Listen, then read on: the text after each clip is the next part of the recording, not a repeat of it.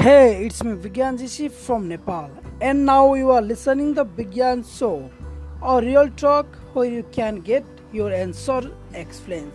Thanks. Keep listening the Bigyan Show.